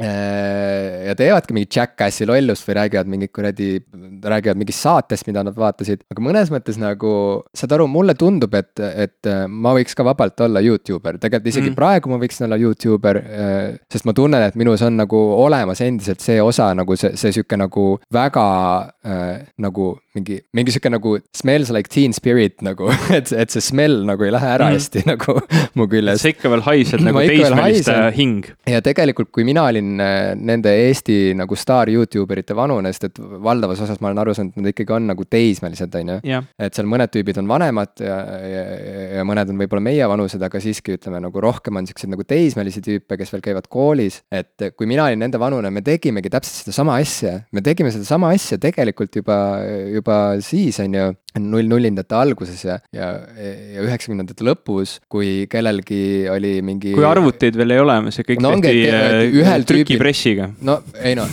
ei no reaalselt oligi, et ühel sõbral oli arvuti, mis vedas välja mingit nagu arvut-, mingit videomontaažiprogrammi mm, -hmm. aga muidu nagu siin, eh, muidu üldiselt ei olnud, et, et oli lihtsalt üks, veel üks sõber, kellel oli rikas isa, kes töötas mingis firmas kus ta sai nagu kõrget palka ja siis ta nagu oli mingi reisu pealt ostnud endale videokaamera, on ju. Mhm, mhm. sest et siis reaalselt sa pidid nagu otsima mingit nagu rikast, rikkast perekonnast yeah. pärit sõpra, et tal oleks kaamera, nüüd on kõigil mm -hmm. kaamerad, on ju, mingi kella sees on ka kaamera. aga, aga me tegime täpselt sedasama paska nagu lihtsalt käisime üksteisel külas, tegime mingeid koduvideoid ja saad sa aru, nagu sisuliselt need on täpselt samad asjad nagu need, need, nagu on praegu, praeguste Youtube erite mingid nagu lollakad challenge'id ja, ja mingid pihtimused. Ma arvan, et me oleksime need samamoodi avaldanud äh, Youtube'is, kui siis oleks Youtube olemas olnud. no ja tegelikult, äh, kuna meil nagu ressursse nappis, et me saime ainult väga piiratud aja kasutada seda kaamerat ja me tegimegi seda, oma amatöörfilme tegime ja, ja neid koduvideoid. ja kuna seda materjali on lõpuks kokkuvõttes nagu nii vähe võrreldes selle materjali mäega nagu, mida toodavad need Eesti Youtube erid tänapäeval, kus enam nagu video tootmine ei maksa mitte midagi, on ju. ja vahendid on kõigile kättesaadavad vabalt. et siis seda enam ma nagu nii väärtustan siiamaani oma tolleaegseid siukseid nagu lolle videoid, mida me noh, tegimegi noh, keskkooliealistena. on sul isegi alles neid? mul on need alles, mul on need alles kõvaketastel DVD-del back-up itud, me aeg-ajalt sõpradega vaatame neid ikka veel üle ja irvitame wow. ja kõik on meeles nagu, et mingi sihuke ülitühi, tühine nagu jah, võiks öelda tühine pealiskaudne sihuke jauramine. et lihtsalt on nii südantsoojendav ja mm, -hmm. ja mhm. sellepärast tegelikult ma praegu neid Eesti Youtube ereid avastades, kõiki neid teismelisi Youtube ereid, ma kuidagi tunnen, et ikkagi see poolehoid nende suhtes on mul ikkagi tugevam kui sihuke nagu materdamisvajadus, et ma ei, nagu, ma ei näe nagu vajadust kuidagi seista jällegi mingisugusel nagu kõrgel hobusel keeleuuendus jätkub, et ja hakata nagu kuradi taguma neid mingite nagu raamatutega vastu pead, on ju, mhm. sest et mina nagu usun, et kui need tüübid juba nagu ja, ja nad on natuke, üks tüüp isegi nagu rääkis seal, et noh, ma vaatasin mingeid erinevaid videoid, kus nad rääkisid nagu Eestist, et nagu tegid mingi siukse nagu jälle siukse mm,, siukse seeria, et igaüks mm -hmm. pidi nagu avaldama oma mõtteid Eestist ja Eesti mentaliteedist ja sealt tuligi lihtsalt siukest nagu noh, sihuke mumblecore mingisugune sihuke nagu jutt, on ju. mõnes mõttes, aga samas nagu sa nagu tajud sellest ka ära nendest pooltoonidest, nendest nagu pooleli jäävatest lausetest, sa nagu tajud mingit nagu meelsust või mingisugust nagu elutunnetust. ja see on nii huvitav lihtsalt, saad aru, see on nii huvitav, et ongi reaalselt antud võimalus meile nii-öelda nagu piiluda noorte inimeste ellu, vaata. et nad ise on avanud selle ukse, muidu sa ei tohi nagu tormata mingi teismelise tuppa, ilma et sa ei koputaks, on ju. nüüd nad ise nagu avavad selle ukse ja räägivad sulle ja need, ja need tüübid, kes räägivad nagu noh, nad ikkagi on tüübid, kes nagu oskavad väljendada ennast, on ju, isegi kui see jutt tundub nagu loll või pealiskaudne, siis sa saad aru, et tegelikult see on nii suur väärtus, kui reaalselt need tüübid ju nagu see töö, mis läheb selle mm -hmm. nagu mhm. nende videote ja nende teemade läbimõtlemisse äh,, monteerimisse, siis kõik need nagu naljad, mis seal vahepeal on, kõik need nagu kuradi idiootsed reaktsioonid, mida nad ise nagu kutsuvad endas esile. et saaks hiljem montaažis neid nagu veel rõhutada, paned repeat'i peale mingi lollaka näoilme, mis sa teed ja mingi hääle näiteks, on ju. ja see ongi naljakas reaalselt, see ongi, saad aru, et okei okay,, see on osa sellest meemikultuurist nagu, mis niikuinii on internetile nii nagu omane, et see on sellest DNA DNA-s nagu mm, -hmm. et see kogu see keel nagu, et see on jällegi mõnes mõttes nagu hip-hop kasvas välja oma mingitest nagu piirangutest. ühesõnaga, et ta sai alguse mingitest piirangutest, et sulle, okei okay,, sul ei ole nagu vahendeid, sa, sa ei mängi pilli, sul on lihtsalt see mingi kuradi rütmimasina asi ja, ja, ja sa lihtsalt nagu tõmbad toorelt nagu sinna nagu teed sellest mingi kunstivormi. et siis samamoodi see Youtuberi Äh, põhistiil, kus on nagu hästi järsud lõiked, on ju, mida nagu mingil hetkel äh, minevikus oleks äh, peetud nagu praagiks, et sa ei saa niimoodi monteerida, et lihtsalt nagu jump cut ideks mm. nimetatakse neid, on ju. et, et iga reaalselt saanud... kahe sekundi tagant on jump cut, eks ole. et siis nüüd, et lõikad kõik vahed välja ja lihtsalt pilt hüppab nii-öelda mm, -hmm. et sa oled lihtsalt nagu, et ühel hetkel on nägu ühes ekraaniservas, teisel hetkel teises nagu ja siis mm -hmm. et oo, mis asja, on ju. et vanade montaaži mingite nagu heade tavade järgi see oleks olnud praak nüüd see on osa sellest montaaži keelest, et ongi nagu, et need, need, mis asjad, mis olid enne piirangud, on nüüd selle asja nagu kvaliteedid, on ju. -hmm. et ma ei tea, seal on nii palju nagu neid kihte, mida nautida lihtsalt, et ja kokkuvõttes see on jällegi sihuke nagu, et kui sa vähegi tahad nagu aru saada, et mis see nagu ajastu vaim on või mis see zeitgeist on nagu. ja kui sa ei ole nagu selles mõttes nagu sihuke hukkamõistev inimene või kuidagi sihuke nagu noh, nina püsti. et, et siis mina ikkagi näen, et need tüübid reaalselt ongi need, mitte kõik, on ju, ilmselt mitte kõik, aga mõned neist reaalselt võivad olla meie tulevased ägedad filmirežissöörid äh,, kõvad produtsendid, kõvad operaatorid, ühesõnaga ühesõnaga need inimesed, kes hakkavad jah, saatejuhid, õhtujuhid, kes hakkavad päriselt looma mingil hetkel mingit sihukest nagu tugevat väärtust meie kultuurile. jah, praegu nad räägivad äh, mõnes mõttes nagu ajavad lihtsalt paska suust välja, teisalt äh, kas me mitte ei tee seda kõik mõned lihtsalt nagu vähem varjatud. mis see meie saade siis parem on, kui et... siin mingid kaks tölmaka seletavad ja, ja. internetis mingitel teemadel. no just ja mis on, mis asi on podcast, kui mitte lihtsalt äh, Youtuberi saade ilma pildita, mõnes mõttes on ju. palju pikem. et, ähm, et ühesõnaga, ma lihtsalt omalt poolt nagu tahaks öelda, et, äh, et kogu see tava nagu kuidagi tõmmata nagu hullult vett peale neile, sest nad on pealiskaudsed ahvid. Ähm, mulle tundub see nagu antropoloogiliselt nagu super huvitav.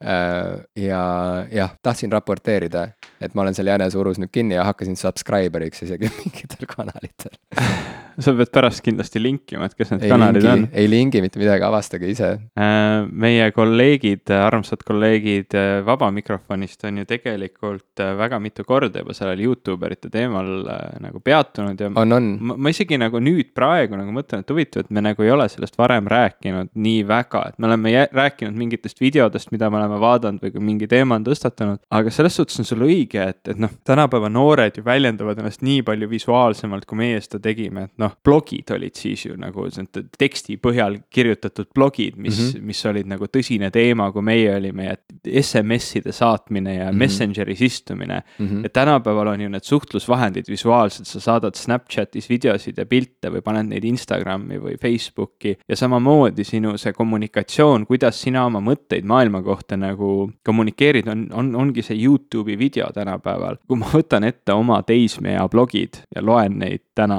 see on ikka noh, see on samasugune selline asi, mida ütleme, vanem inimene, noh, ütleme see, see, see, kes nüüd vaatab seda Youtube'i video ja mõtleb, et millest need noored räägivad, miks seda vaja seletada on, see on ju rumal jutt. Et see on täpselt seesama jutt, mida ma ise nagu siis ilmselt kirjutasin või, või umbmäärane ja, ja noh, ta ei ole selles mõttes rumal või, või ta ei ole nagu mõttetu või ta ei ole sisutu, need inimesed teevad, nad inimesed räägivad sellest, mis, mis neil tol hetkel meelel on ja, ja mis veel olulisem, nad väga, väga tõsiselt mõtlevad sellele, et kuidas nagu seda sisu, mida nad toodavad, muuta apelleerivaks. Need, kelle sa üles leiad, need, kelle teised inimesed üles leiavad, on, on väga palju mõelnud sellele, kuidas toota sellist sisu, mis teistele peale läheb. Nad ei ole nagu selles mõttes rumalad inimesed, et see, et nad nagu noh, et see on nagu midagi suvalist, nad on väga selgelt mõelnud selle peale ja, ja katsetanud ja proovinud ja vaadanud, ahah, kui ma sihukest juttu ajan, siis mulle tuleb nii palju vaatamisi, aga nüüd nagu neid mingeid lollusi asju tehes, näed, vot juba kasvab mm. -hmm. et nad, see on, see on tegelikult vägagi tark ja, ja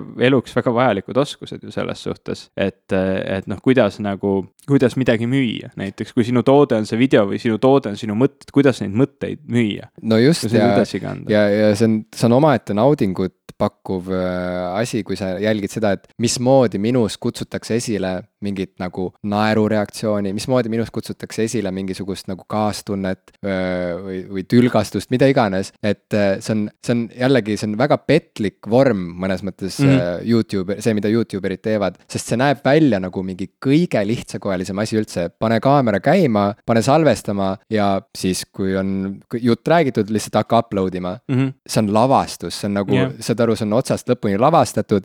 ja need inimesed, kes seal kaamera ees on, nad on lavastajad nagu nagu ja. kõige paremad neist on nagu väga teadlikud, head toimetajad, lavastajad, kaldkriips, monteerijad, eriefektide kuradi keerajad, et see nõuab sihukest nagu toimetaja ja režissööri taipu, loojutustaja taipu, see nõuab tehnilist taipu ja need on kõik asjad, mis jäävad nagu noh, peidetuks, et äh, ma arvan, et nagu laiem vaatajaskond nagu ei analüüsi seda päris nii, nad lihtsalt vaatavad mm, -hmm. et see on nagu mingi asi, mida saab ülikiirelt teha ja mingid tüübid lihtsalt on andekad, et nad vajutavad rekord ja tuleb lihtsalt yeah. nagu mingi andekas asi, tegelikult see on nagu nii nagu nad, need Eesti Youtube erid ise nagu ütlesid ühes videos ka, et äh, kui nad tegid seda mingit telefonimängu challenge'it nagu, et siin oli mingi üks sa oled ikka päris palju videosid vaadanud aga jätka.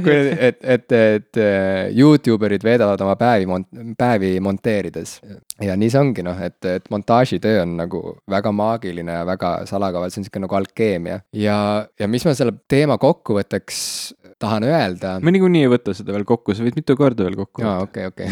ma võtan ennast kokku võib-olla siis, et ähm, see on nii loogiline jätk minu arust kogu see Youtube, Youtube imise äh, traditsioon nüüd võib juba öelda, on ju. et see on ju nii loogiline jätk sellele, mis juhtis, mis juhtus reality tv-ga. et mõnes mõttes reality tv nagu lõhkus traditsioonilise tv sisu ära. ehk siis, et sihuke üli modereeritud, üli nagu kunstlik, seatud sihuke nagu ja sihuke nagu kuidagi jah, sihuke nagu ebanaturaalne mm -hmm. sihuke nagu äh, televisioon. järsku sinna sisse sadas nagu sihuke nagu täiesti toores nagu tahumatu sihuke punkasi, mis nägi välja nagu äh, ma ei tea, kui sa võrdled mingit suurejoonelist ooperilavastust mingi kuradi kõige toorema koduvideoga, on ju. et mingi sihuke amatöörlikkus äh, omandas omaette väärtuse, inimesed nagu tahtsid näha, et mis seal nagu kardina taga toimub, mis toimub köögi poolel mm, -hmm. kuidas inimesed päriselt elavad nii-öelda. ja sealt edasi kõik nagu siuksed, äh, noh, see huvi aina kasvas, eks ole, ja tekkisidki reality tv staarid, inimesed, kes olid kuulsad nii-öelda sellepärast lihtsalt, et nad olid kuulsad või nad olid kuulsad selle poolest, et nad, äh, ühesõnaga ma ei mäleta, kuidas see, see oli, seda sai kuidagi ka huvitavamalt öelda, vabandust mm. -hmm. aga et nüüd, et nüüd, nüüd, kus seda saavad teha reaalselt mingid üheteistaastased tüübid oma magamistoas, on, see tundub mulle nagu nii õiglane, et lõpuks ometi tehnoloogia ongi nagu eh,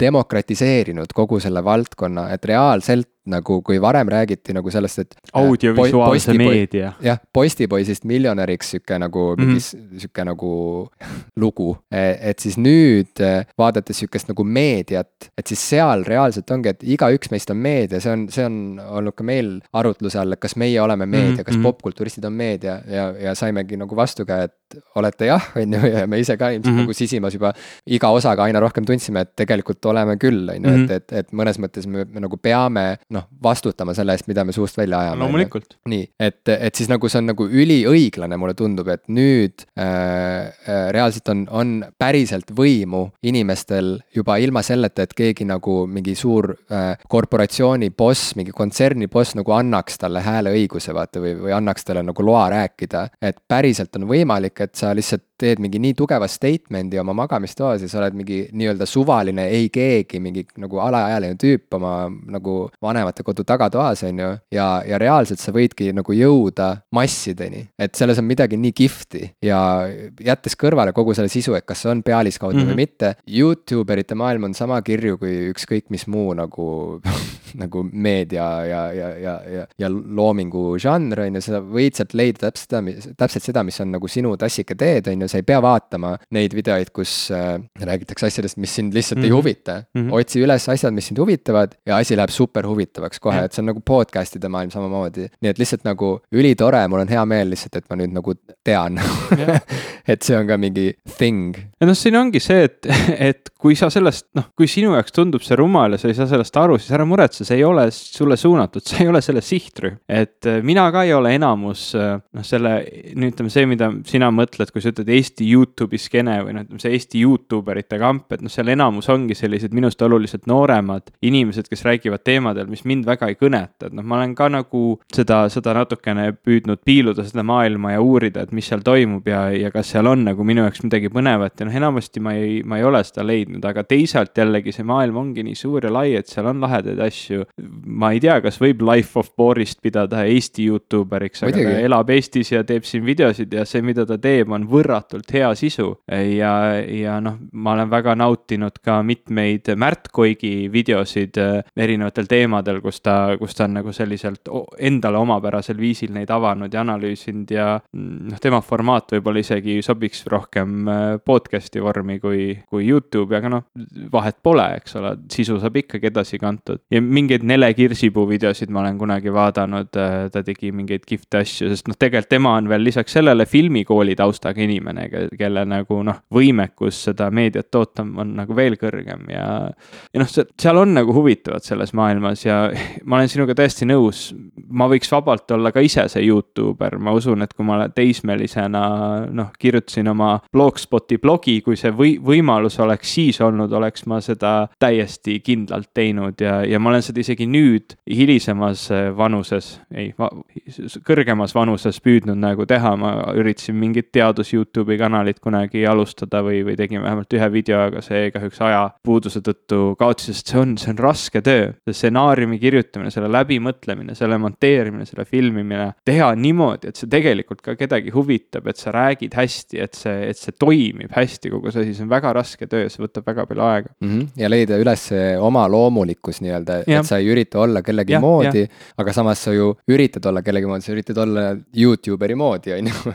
et kõik see nagu selle loomuliku ja kunstliku sobitamine, ühesõnaga see on nagu, seal on, seal on rohkem äh, peidus ja seal taustal on palju, midagi palju suuremat, kui, kui nagu välja paistab, et see, mis välja paistab, ongi jäämäe tipp ja, ja seda tippu oli mul nagu ülihuvitav avastada ma ei tea, kui pikalt ma seda vaatan, aga kes ütles, et ma pean mingeid lubadusi andma? no ütle üks Youtuber, ütle üks nimi vähemalt. ma mäletan Vabas Mikrofonis juhtus ka seda, et Gregor oli vaadanud Youtubereid ja siis ei tahtnud ühtegi nime öelda, aga no ja, ütle ikka. ma ka ei taha, sest et ma tahaks nagu lasta inimestel ise äh, minna ekslema sinna labürinti lä,, lä, läbu, läburinti Läb,. läburinti. et, äh, et lihtsalt, kui sa hakkad otsast minema, siis äh, seal on viiteid nagu erinevatele ma sellepärast ei tahaks eraldi kedagi välja tuua, et ma ei ütle, et ma olen nagu kellegi, ma ei, ma ei soovigi kedagi nagu esile tõsta kui mingit erakordset näidet.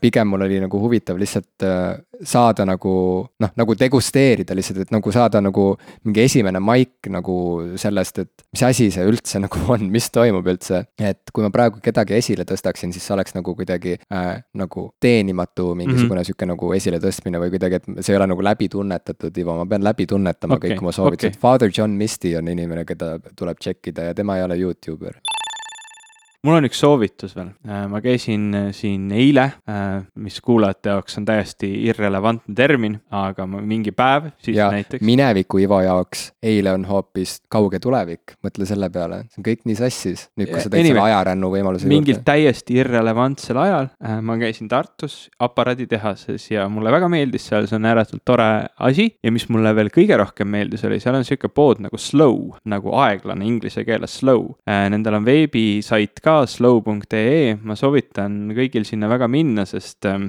see on sihuke asi, mida ma tahaks näha, et see areneks, ma tahaks, et see pood oleks Tallinnas tegelikult, olgem ausad, et noh, ta ei peagi seal Tartus tegelikult olema, sorry, aga see oleks nii äge, kui ta oleks Tallinnas, sest äh, see esimest korda, kui on selline tõsiselt laheda mõttega riiete pood, me oleme vaata siin rääkinud sellest riiete teemast, et ähm, et riietuse juures me alati, me, me samamoodi oma vestluses ju tõime esile seda, et me tahaks, et see oleks nagu kuidagi jätkusuutlikum, me tahaks, et see oleks, see poleks sihuke kiirmood, kus me lihtsalt nagu kuidagi tarbime nii meeletus kogustes neid riideid ja jätame neid kõrvale, et meie jaoks on see, see nagu sügavam aspekt ka seal oluline. ja see, see pood nagu sellele üles ehitatud ongi, et noh, ühest küljest on ta nagu selline ökorõivaste pood, aga tegelikult on ta midagi palju suuremat ja, ja, ja, ja huvitavamat, et see on nagu selline jätkusuutliku tekstiilitööstuse pood pood, et noh, et, et erinevad brändid, mis kasutavad siis erinevaid siukseid tootmisjääke ja, ja ähm, huvitavaid materjale, mida nad on saanud siit ja sealt ja, ja millised nii-öelda sellised ärimudelid neil on, et neid asju omale tagasi saada klientidelt ja siis uuesti kasutusele võtta, et seal on hästi lahedaid asju ja mis mulle nagu kõige rohkem selle asja juures meeldis, seal on nagu fifty-fifty meeste ja naiste riideid, et seda sa ei näe tegelikult enamasti selliste poodide puhul, nad on suunitletud naistele, sest nemad võib-olla on need suuremad tarbijad, aga see tõesti oli fifty-fifty meestele ja naistele, nüüd ma müün selle asja sulle maha. seal oli Star Warsi riideid, seal oli nagu triiksärke, kuhu oli peale trükitud Darth Vader või kuhu oli peale trükitud C3PO. see oli nagu äge, et minge ostke sealt stuff'i, võib-olla siis nad ükskord laienevad Tallinna. Nad ei ole mulle maksnud selle reklaami eest, aga ma lähen üks hetk võib-olla sinna midagi ostma, see oleks nagu väga äge. mulle meeldis, millise enesekindlusega sa nagu lausa näpuga nagu näitasid mu peale, et ja nüüd ma müün selle sulle maha, seal on Star Warsi mingid pildiks sealt riiete peal. ja see on argument, mis sellest kõigest, mis sa välja tõid, on nagu kõige ebaolulisem mu jaoks. ma arvan, ma arvan, et ma isegi ei taha ma, kanda ma Star Warsi mingeid, kõvatsesid. jah, kas sa ei, sa ei taha kanda? kas sa suvatsesid kõvatseda? ma kõvatsesin täiega. aga, aga muidu tundub äge kui ma Tartusse satun, eks ma siis astun läbi. Sorry, kui see kõlas nagu reklaam, aga ma tõesti, ma olin nagu väga elevil sellest, ma, ma vabandasin meie kuulajate eest, sest noh, see on nagu savi, et see sulle kõlas nagu reklaam, aga, aga mul on, mul nagu, ma, ma olin nii rahul selle mõttega, selle poega. aga saate lõpetuseks, kui kogu see kelbas, mis me nagu rääkisime, et see läks ühest kõrvast sisse mm., teisest välja.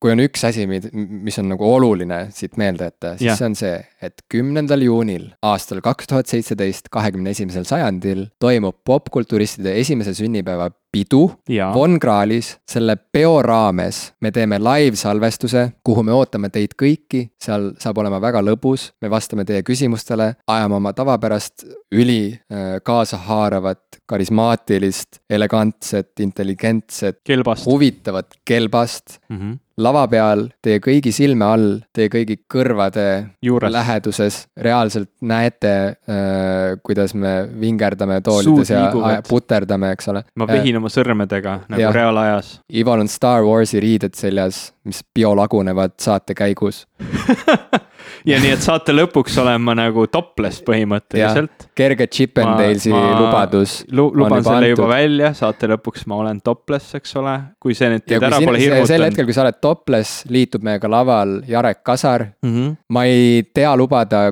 kui palju riideid tal seljas on sel mm -hmm. hetkel, võib-olla ta läheb vooluga kaasa ja tuleb ka lavale ja on topless. ta, ta on oluliselt noh, ütleme ikkagi kõrgema kaliibri inimene või staar kui meie, nii et me ei saa talle.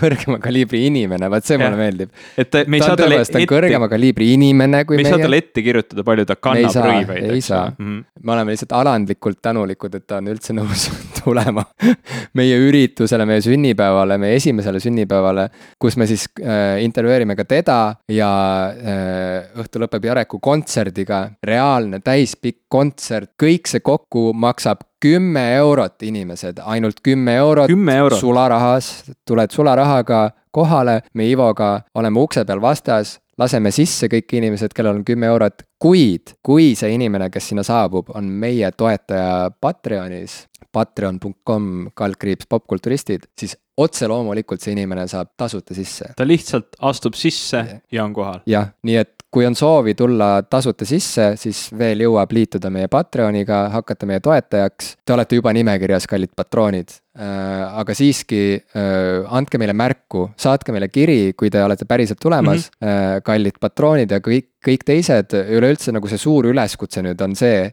et palun jagage meie üritust, me tavaliselt ei palu mingisuguseid mm -hmm. nagu teeneid ega asju, kuna see on sihuke suur asi, see on sihuke suur tähistamine. see on meie esimene sünnipäev ja meie, meie podcast, meie armas väike podcast, kes on aasta jooksul nii kaugele jõudnud, nii paljudesse südametesse pugenud, nii paljude ja veel rohkematesse kõrvadesse. et selleks, et see pidu äh, tõesti nagu oleks peo moodi, et seal oleks inimesi reaalselt, äh, siis olge nii head, kinkige meile sünnipäevaks see, et te tulete kohale ja. ja mitte ainult ei tule üksi kohale, vaid võtate mingi sõbra ka kaasa või isegi mitu sõpra või. pere. või pere. või me oleme nagu... teiega lapsesõbralikud too õhtu. või, või, või, või Tinderist haarate kaasa inimesi, vahet ei ole. väga hea mõte. inimkaubandus, ostate mingeid inimesi kaasa endale, on ju mida mitte. iganes, mida iganes. kõik nii. sobib, ühesõnaga pakime selle toa inimesi täis, kes kõik saavad meiega koos pidutseda, teeme ühe toreda live-saate uh,. uksed avanevad kell seitse Von Krahlis, kümnes juuni kaks tuhat seitseteist. pane meie Facebooki üritusele going, mitte interested, sest interested is not, we are not interested in interested ja kohtume seal. jah, Von Krahli baar on avatud, saate osta teed, kohvi äh,, alkohoolseid jooke ilmselt või, ma ei tea. absoluutselt. absoluutselt jah, ühesõnaga ma enesekindlustan ennast, äh, sest kindlustus on oluline ja, ja tähistame meie sünnipäeva. Shout out äh, vabale mikrofonile, kes ka tähistab tegelikult kohe varsti nüüd sünnipäeva, sest nagu me kõik mäletame, me alustasime ju samal ajal, eks ja, ole. samal päeval samal päeval, et, et tähistame. tähistame, tähistame, kümnes juuni kaks tuhat seitseteist Von Krahlis, save the date, ole seal või ole ruut, punkt.